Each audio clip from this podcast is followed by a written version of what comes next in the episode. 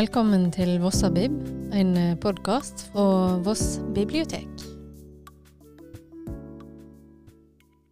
Hei, Anne. Hei, Rita. Du, eh, i dag er det jo den eh, 23. april. Det er jo en eh, Og det er fredag. Og eh, det er en litt eh, spesiell dag i dag. Vet du hvilken dag det er? Jeg vet jo det. Strengt tatt, siden vi har snakket om det. Men Ja. si det du, Rita. Det er altså verdens bokdag i dag. Og da passer det jo veldig fint at vi har en podkast i dag fra biblioteket. Og, men jeg må jo fortelle litt om eh, verdens bokdag. Det er jo eh, en eh, sånn UNESCO-dag, eh, og den ble innstifta i 1995. Og den blir markert hvert år den 23. april med aktiviteter.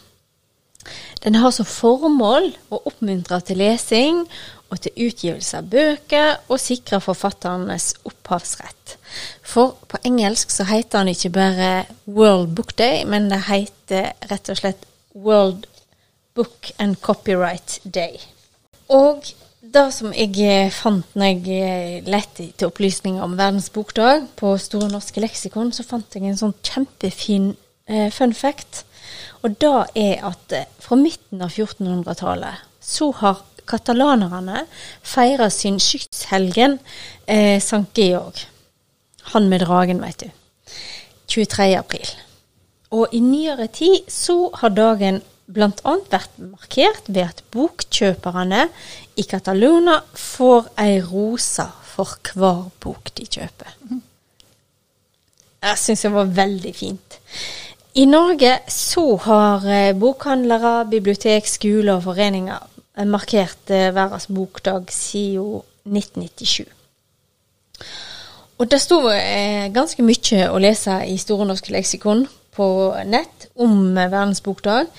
Men en annen fun fact var at det i 2008 eh, da ble han markert med utgivelsen av boka 'Norsk litterær kanon'. Og det ble skrevet et essay om hvert av verkene som ble da valgt ut. Og det er ei liste på 25 verk. Eh, og det var ti personer som, som satt i juryen som bestemte disse her 10, eh, nei, 25 verkene. Det som jeg syns var litt trist, da, når jeg satt og så på denne lista, eh, som er jo fantastiske forfattere, selvsagt, men det, av de 25 forfatterne så er det Skal vi se Én, to, tre Fire kvinnelige forfattere. Hvordan var gruppen sammensatt da? Da, det står det ingenting om. Og det er altså, altså det er jo én ting er jo eh, det, det, eh, Den litterære kanonen her, den, det går jo helt ifra Volupsbå til eh, eh, Øyvind Rimreid. Den nyeste forfatteren eh, som er kvinne, er Gunvor Hofmo. Oi, oi. Ja. Må oppdateres. Jeg vet ikke, jeg, det, jeg tenker kanskje det er noe i det mellomrommet der det Mellom Volusp og Mellom, Hofmo. ja, eller mellom Gunvor Hofmo og, og Øyvind Rimbereid, som kunne vært kvinne. Og det som òg er en fun fact, er at eh, hvert år så blir en by i verden nominert til å bli eh, verdens bokhovedstad. Og det har foregått siden Jeg tror det første det var i 2004. Og i år så er det eh, en by Jeg har litt vanskelig med å uttale, men jeg tror det er sånn Tbilisi, Høres bra ut. som er da i Georgia, som er verdens hovedstad. Og så eh, kan du, Anne, si den byen som skal være til neste år. Guadalajara Ah, i Mexico. yes, i Mexico. Men du, vi skal jo ikke bare snakke om fun facts om verdens bokdag. Vi må jo snakke litt om eh, hovedpersonen sjøl. The Book. Ja, boka. Og du, Anne, du er jo eh, en slags spesialist. Du har litt utdanning på akkurat dette som handler om bøker. Ja. Altså, jeg har jo ikke svenne... Jeg har ikke svennebrev, men jeg har holdt på mange år med, å, så- med bokbindefaget. Ja. Så jeg har lært meg det, mer eller mindre selv. Ja. Også gått en del i lære hos en bokbinder. En uh, eldre herre som begynte i lære da han var sånn 15 år. Så Ja. han var utdannet bokbinder. Så det har vært veldig gøy. Det er jo Det er jo litt sånn magisk, tenker jeg. Og så bare Du har papir, og så har du papp, og så har du litt sånn skjerting, og så kan du lage en bok Ja. fra ingenting, eller fra noe helt annet. Ja. Så det driver jeg med Ja. innimellom. ja. Det er et håndverk som du koser deg med. Og det, jeg har faktisk sett eh, med egne øyne verkstedet der du eh, holder til, og fått sett på noe av verktøyet du bruker. Og jeg har sett det ferdige resultatet Ok, oppe, oppe på um, Ja, oppe på Mølster. Ja, Mølstertunet. Mm, så eh, til lytterne våre, hvis de har lyst til å kjøpe en av Anne sine bøker, kan de ta turen der. Men du, bokbinder som faget, altså Hva vil du si? Hva, hva er Hva er det viktige? Um, for det første kan jeg si at bokbinderfaget er jo nå et utrydningstruet fag.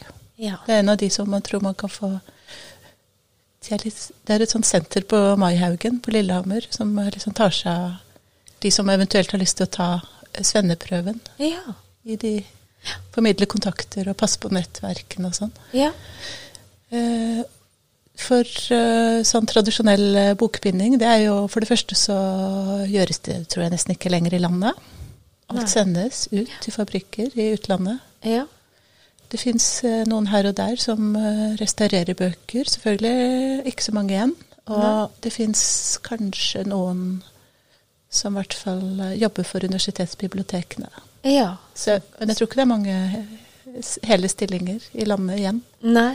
Nei. Og det er veldig fascinerende, ikke fascinerende, men det er rart å tenke på, for det har vært et kjempeyrke. Ja. Jeg kan jo bare fortelle at i fjor på disse tider, på da det var eh, koronanedstengning, så tok jeg på meg en sånn dugnad å registrere, transkribere personsedler for folketellingen fra 1920. Ja. Og da gikk jeg inn og kikket på det. Hva kunne man søke? Det er søkbart. Yrker. Og det var utrolig mange som var oppført som bokbindere. Og Ja. kvinner. Det var tydeligvis også et kvinneyrke. Ah, så spennende. Ja. Fra langt tilbake.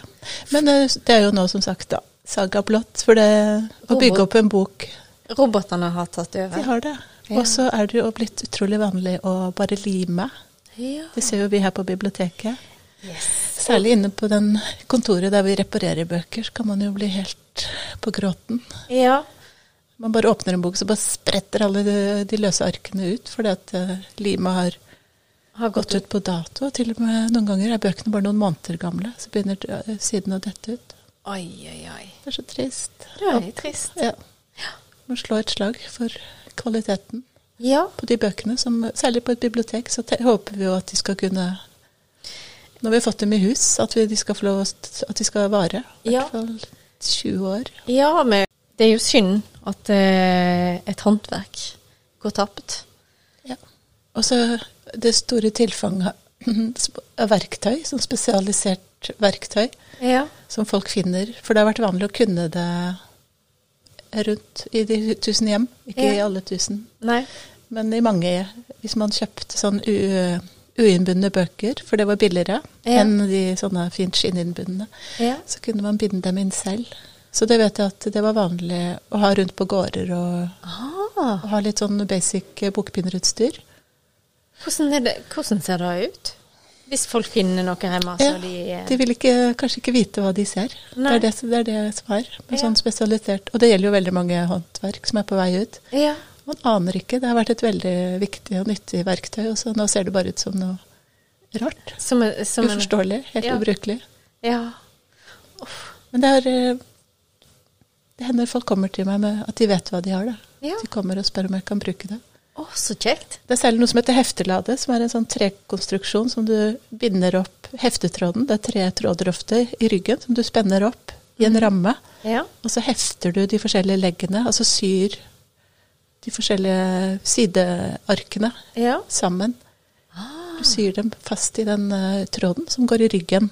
Ja. Og på gamle, fint innbundne bøker så ser du ofte at det er en sånn der, sånne små bukler i ryggen. Ja. Som er litt sånne dekorative elementer. Men uh, fra gammelt så var det der heftetråden gikk. Nemlig. Som synes gjennom skinnet. Ah, så spennende. Eh, Bjørnstjerne Bjørnson. Mm. Halte, er det det som står der? Jeg er ikke det så er god. Det er gotisk skrift. Eh, Haltehulda Ja. har han skrevet. Ok. Det er et drama i tre, tre akter. Eller kanskje det er salte. Det er uansett ikke bra. Det er vanskelig. Er hele boka i gotisk? Den er nok eh, gotisk skrift i det hele. Men det som er spesielt med denne, er jo òg utseendet på boka. En utrolig vakker eh, skinninnbunden bok. Mm. Hva er det som er med denne dette? Hva kaller vi Dette her er et eh, Skal vi se eh, Hva er det kalles? Kvartalbind. Det er skinn, og så er det der eh, ryggen og hjørnene er i skinn. Og så er det midterste stykket på, på bindene, da, det er marmorert papir. marmorert papir? Og det er det også på forsatsen, som det heter. Den første når du åpner. Det er også samme marmorerte papiret. Ja. Det er jo en egen, det er et eget fag, faktisk, å marmorere.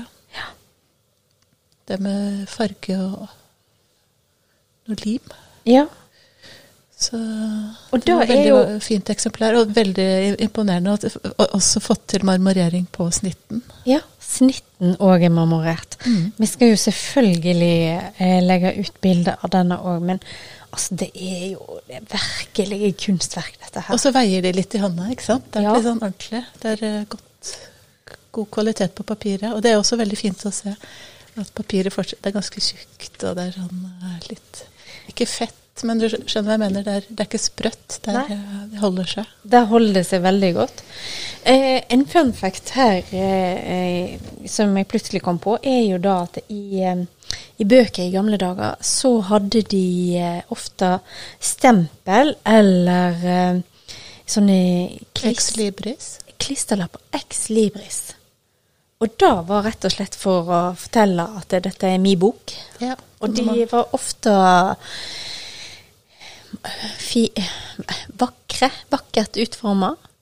Et lite kunstverk. På en måte et stempel eller eh, et klistremerke, som du sier. Og så at de var personlige. Det var liksom laget til deg. Ja, Det var kanskje for de ressurssterke. mest sannsynlig, men jeg vet ikke hvor vanlig det var å, Å eie bøkene. å eie Nei. bøker. Altså, det var vel kanskje mest uh, Fordi at det, her ser du, denne har jo et mye mer moderne ex libris i seg. Mm.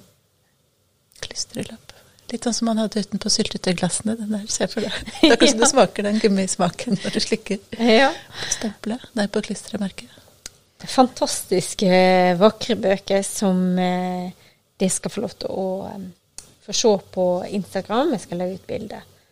Men bare det her marmoreringa er helt utrolig fint. Tenk at det Altså, det Den er fra 1858, denne boka. Mm. Og det holdt seg like fin i fargene. Ja. Like fin i fargene. Er snakk om kvalitet.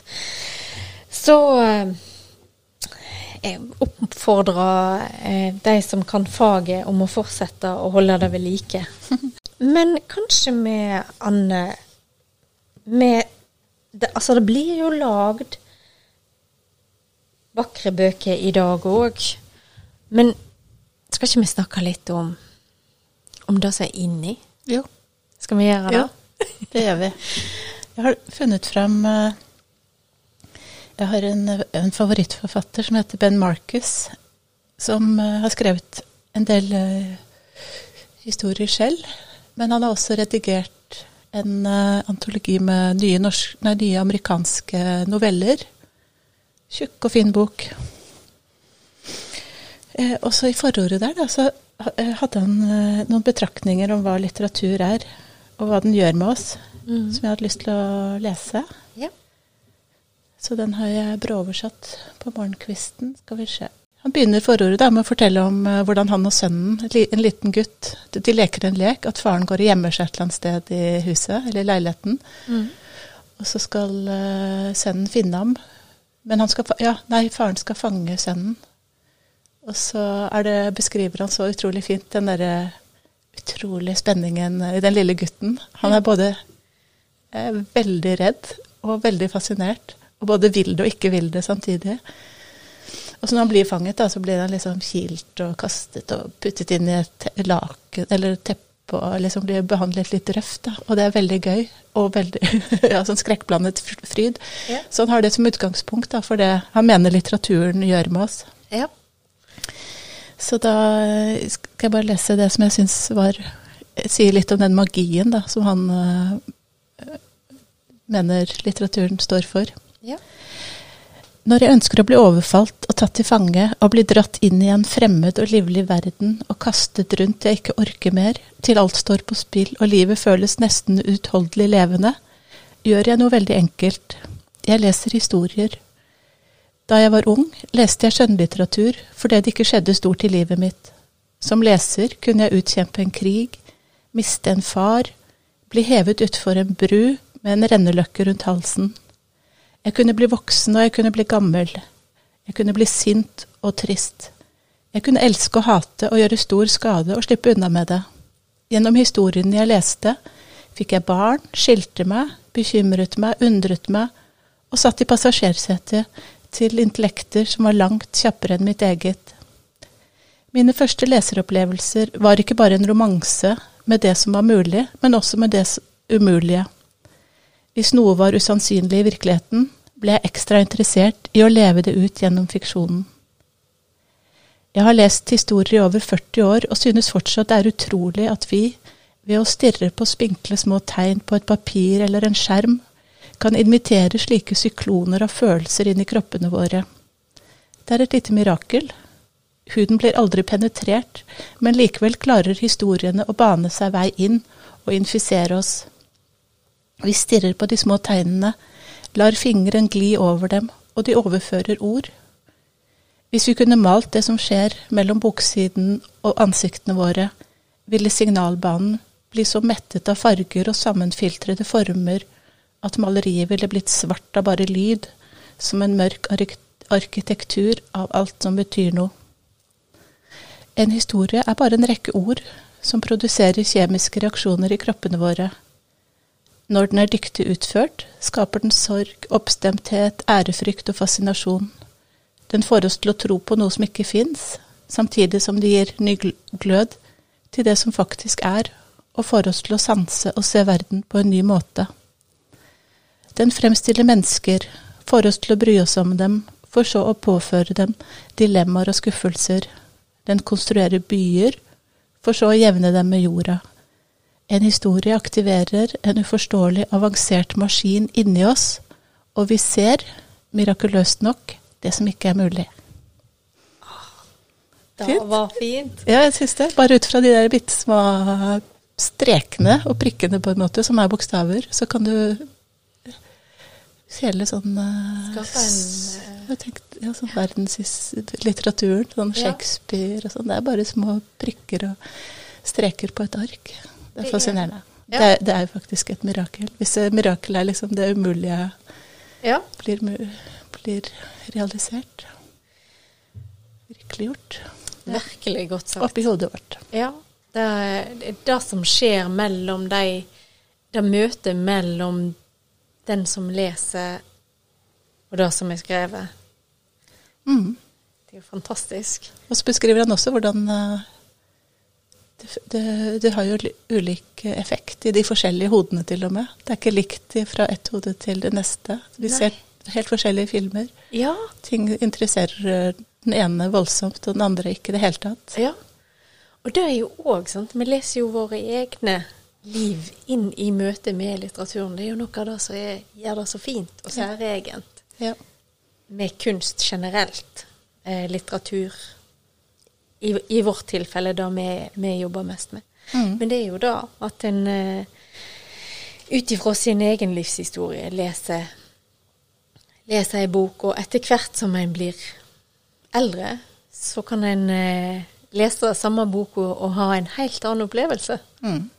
Fordi at det har skjedd ting i livet som gjør at nå er boka blitt annerledes. Ja. Det, er fascinerende. Ja. Trengte ikke så mange bøker, egentlig. Jo. jo, for det er jo så mange forskjellige stemmer, og de forskjellige stemmene og de forskjellige sjangrene gir oss ulike opplevelser. sant? Jeg har så dårlig hukommelse. Altså jeg, har, jeg kan egentlig bare lese 'Fuglene' og 'Vesaas'. og et par-tre andre om og om igjen. Ja. For akkurat som jeg glemmer det, jeg bare får den der nye stemningen, eller en ny. ja. Fordi det ligger noen lag med erfaring imellom. Og samtidig så er det jo òg Jeg vet ikke, men eh, jeg eh, For noen år siden så hadde jeg influensa. Og det, det, det, du kan jo egentlig ikke gjøre så mye når du har influensa. Men eh, Og jeg var på hytta, og der hadde jeg tilfeldigvis en av bøkene som mor mi pleide å lese til meg når vi var små. Så var det 'Vesle huset i den store skogen'. Og det er jo stor og tydelig skrift. Så den klarte jeg å lese til tross for at jeg var sjuk, liksom. Og jeg ble rett og slett jeg ble satt helt rett tilbake til stua og sofaen, og meg og søstrene mine som groa sammen, og mamma som leste for oss. Tenk så fint. Ja. Så den eh, Ja, noen opplevelser blir jo sittende igjen med deg òg, så når du leser boka på nytt, så er det jo òg Det er tidsmaskin. Mm, ja. Du reiser tilbake Apropos- i livet ditt. Det mirakuløse, ja. Det er en tidsmaskin også. Ja. Og en kinomaskin. Men Du snakket litt i går om en krim som du hadde lest, som du syntes var altfor uh, utpenslet. Og det tenker jeg på Ja. når vi snakker om dette her. Mhm. Jeg spekulerte i at det kanskje har med å gjøre at eh, litteratur, noen litteratur prøver å legge seg helt oppi filmen, altså imitere filmen. Ja. Stedet, altså ikke un, gjør seg helt nytte av den, en av de viktigste funksjonene som litteraturen har, å skape den filmen. ja. Mellomrommene. altså. Mellomrommet, der hvor Ja. du må dikte selv. At Ja. jeg tror uh, at det er litt feilslått, på en måte. Li, ja, blir overfòret. det blir uh, uh, Jeg vet ikke, det er jo noe med kunsten å antyde òg. Eh, fordi at hvis du har god nok fantasi, så eh, klarer du mer, mer enn nok sjøl til å forestille deg det grusomme som skjer, uten at det er eksplisitt eh, beskrevet. Mm. Og altså, den boka som jeg leste, jeg var jo blitt advart mot noe, men fordi det er en krimserie, og jeg har likt de andre bøkene så godt, syns de har vært skikkelig spennende, og jeg leser ikke så mye krim, så jeg hadde veldig lyst til å lese den òg. Og jeg begynte på den en gang jeg satt eh, på, i vakt i skranken, og det var veldig spennende. Eh, så jeg, jeg kjente da at jeg hadde lyst til å lese den, til tross for advarslene. Og, og boka er, er jo god, men det er, det er for mye, altså. Mm. Det, og eh, hvis det er noen, noen som lurer på hva for ei bok dette var, så skal jeg si Nei. det var altså 'Speilmannen' av eh, Kepler. Kepler er jo eh, et pseudonym. Det er et eh, svensk ektepar som skriver bøker sammen. Så eh, Men som til tross for det grufulle eh, jeg syns var fint, eh, var at de etter boka var slutt, hadde skrevet en notis med faktaopplysninger om eh, noen av de situasjonene og hendelsene og det som de har skrevet om i boka, fordi at det er knytt til ting som faktisk skjer. Mm. Eh, forferdelig nok. Og da er jo òg noe eh, sånn apropos bøker og bli inspirert, og boka blir en liksom blir en del av livet. Og du fortalte en sånn der eh, eh, historie i går om eh, noe som har Et signal som blir gitt i ei bok. Ja. Eh, hva var det var? Dette er fra Hunger Games, som jeg ikke har lest. Ja. Men jeg bare ble veldig interessert. Jeg leste i en artikkel om uh, de, demo, uh, de demonstrasjonene i Hongkong i fjor. Ja. At de brukte et sånt signal hvor de holder opp tre fingre. Ja. Som jeg nå ikke vet hva betyr, men det er noe sånn demokrati og ja. eh, Så de brukte som de bruker. Ja. Og da Og det er jo ikke bare Hunger Game-generasjonen, men at får, at en bok Ja. får sånne manifest, manifesterer seg på måte på den måten at det glir over Ja. i verden. ja. Det, det er fascinerende. Vel, altså fiksjonen blir eh, røynd. Og det er jo mange, altså En ting er jo da at det eh, det, det får en sånn overføring til, til hverdagen, og en viktig måte å vise eh, en, en, en protest. Eh, men så har en jo òg andre sider, f.eks. da at en blir sånn eh, fan. At en har lyst til å bli den karakteren Ja. en har lest om. Barna mine har begge vært Jeg har et veldig fint bilde av den yngste datteren min. Hun er en av de skikkelsene fra Harry Potter. Ikke Harry Potter, men en av jentene. Da står hun og poserer utrolig tøft ute i gata med en sånn teppebanker og et eller annet annet. og er Gulla eller et eller annet, hva Ja. de heter. Ja. Så det, det var uh, flere år hvor det var Ja. mye slips og greier hjemme. Tryllestaver i alle kroker. Nemlig. Og da er jo òg veldig fint at, det, at disse karakterene får liv og blir forbilde for oss eh, i, det, i det virkelige livet. Mm. Men, altså, hva, hva skjer da når vi har all denne, denne eh, litteraturen der folk ikke skriver Eller de skriver romaner, men de skriver om livene sine. Sant? Karl Ove Knausgård, som da er jo ett eksempel. Mm. Altså, du er ikke så begeistra, betrodde du meg. Men jeg må jo si at når jeg har lest en sånn eh, et eller annet, kikket litt Knausgård-bok, Mm. så syns jeg ser verden på en litt annen måte. At akkurat sånn måten han beskriver liksom en gra granskog det har falt litt snø på eller Så jeg føler at jeg får renset øynene, eller i hvert fall en liten stund etter at jeg har lest bøkene hans, så ser jeg på himmelen og skogen rundt meg. og sånn ser som det sånn- sto der, sånn at du kan på en måte være Karl Ove Knausgård noen timer, da. Og, da- og da Jeg han får ser- blikket hans, tror jeg. Eller at, eh, for han har jo et enormt fokus på liksom hvordan Han beskriver sånn skumring, hvordan liksom fargene trekkes ut av landskap, sånn som man bare er vant til, Mm. men ikke ser. Man slutter å se det. Og det er det litt Ben Marcus også beskriver. Ja. At du faktisk eh, det, det du har rundt deg, er vant til å se, for, en ny, for nye farger. Fordi du ser det. ja, for Det det blir noen automatisert, som det kalles. At Ja. du, du, du, gjen, ja, du gjenoppdager verden som du er i allerede. Ja. Mm, Det er noen forfattere som har den evnen til å åpne dører i deg som du ikke visste fantes. mm, Da er jo den, der den gode litteraturen eh, gjør. Um, ja. jeg veit hva den dårlige Nei. litteraturen er, hvis det var oppfølgingsspørsmålet ditt nå. Nei, nei, nei. Nei, jeg bare tenkte på Nei, tvert imot. Eller hva skal man si? Eh, Jeg har en bok eh, hva bøkene kan gjøre. Vi snakket Ja. litt om at vi skulle snakke litt om hva vi har lest siden sist. Ja. Og da måtte jeg, sist du spurte, så sa jeg nei, jeg har ikke lest noen ting. Og det var fordi at jeg har lest en bok om å dyrke eh, enkelt. ja. Så jeg har egentlig bare blitt helt besatt. Men jeg forbandt ikke med litteratur, da, fordi det ikke var skjønnlitteratur.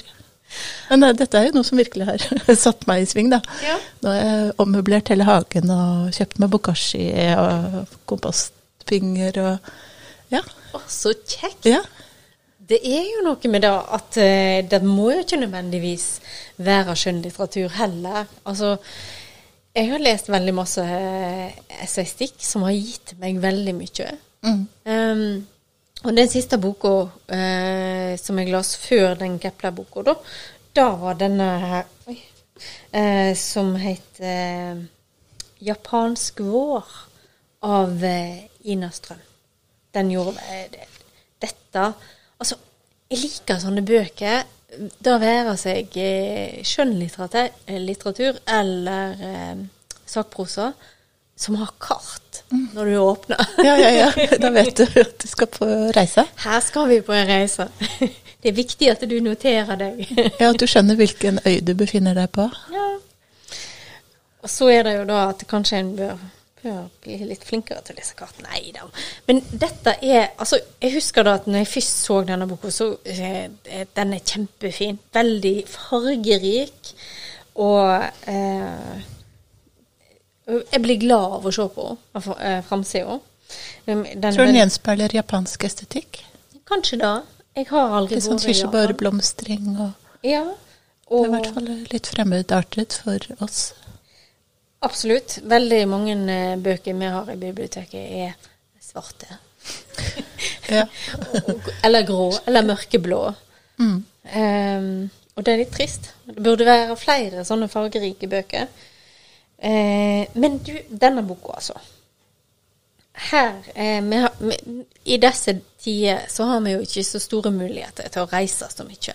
Så hvis du har lyst til å være med på en reise, så kan du eh, lese denne boka, og så blir du med til Japan. Og det som er Det er også en del av et tredje aspekt ved miraklet. Ja. Du kan jo reise. Du føler du har vært et sted. Ja, og, og hun skriver så godt at jeg føler nesten da at jeg har smakt på noe av den gode maten som hun beskriver. Eller drukket litt av den teen. Eller kjent på det varme kildevannet som hun har bada i. Det, det, det, det er mye bading i denne boka. Eh, så den, det, det er min tilråding til eh, lytterne våre. Les denne boka som heter 'En japansk vår på reise gjennom et evig forbløffende land'. Ja. Og du vet, det, det som er så fint når du finner sånne bøker som du liker så godt, da er det da Da begynner jo bibliotekaren mine å, eh, bibliotekartannhjulene å gå med en gang. Og så bare hmm, Har denne forfatteren skrevet flere bøker? Og heldigvis. Hun hadde skrevet ei bok til som jeg hadde på biblioteket, som heter Tokyo, tror jeg det var. Ja, jeg tror det var Tokyo. ja. Så når eh, hun har skrevet Det er Japan som er hennes. Det er Japan. Så Men bibliotekaren i meg tenker kan vi lage en utstilling med bl.a. Ghibli-filmer? ja. For de er jo så veldig fine også, for å forstå ja.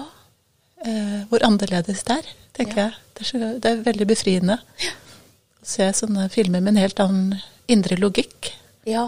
Men det er også veldig mange fine scener, f.eks. sånne skogholt med sånne rare små nisser Nei, ikke nisser, men sånne gude... Ja, og det er så fint, fordi at jeg, jeg lærte jo ganske mye om eh, eh, japansk kultur når jeg, jeg leste boka òg, og da med, med Når buddhismen kommer liksom eh, til Japan, og så implementerer de den allerede eksisterende eh, gudetrua i buddhismen.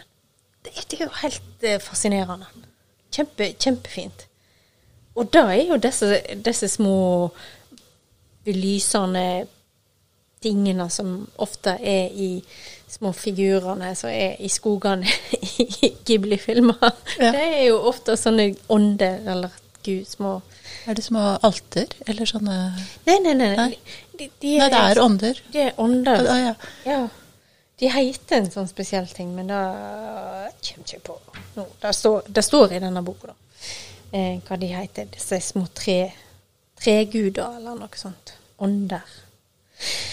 Men du, nå var vi jo, var vi jo eh, eh, kommet langt Ja, ut. skal jeg bare si at min eh, nye favorittbok er skrevet av Maria Berg Hestad. Ja. Og hun har en veldig fin blogg som heter Det grønne skafferi. ja. Så man kan gå inn og bli inspirert. Og hun har lagt ut veldig mye mm, fine sånne eh, undervisningsfilmer på en måte på YouTube. Mhm. Så anbefales veldig. Det er skikkelig for dummies. det har vært eh, Da veldig er er jo så bra. Kanskje jeg må faktisk eh, gå inn og eh, se hvordan jeg skal Er det sånn f.eks. hvordan du skal ta de små hva det er små spirene som du har fått når du har sådd frø, Mm. og så skal du flytte de over i litt større pott. Eh, Det er fra sånn eh, steg for steg, billedkavalkade. Så skikkelig Det blir bra. for alle. Det blir bra.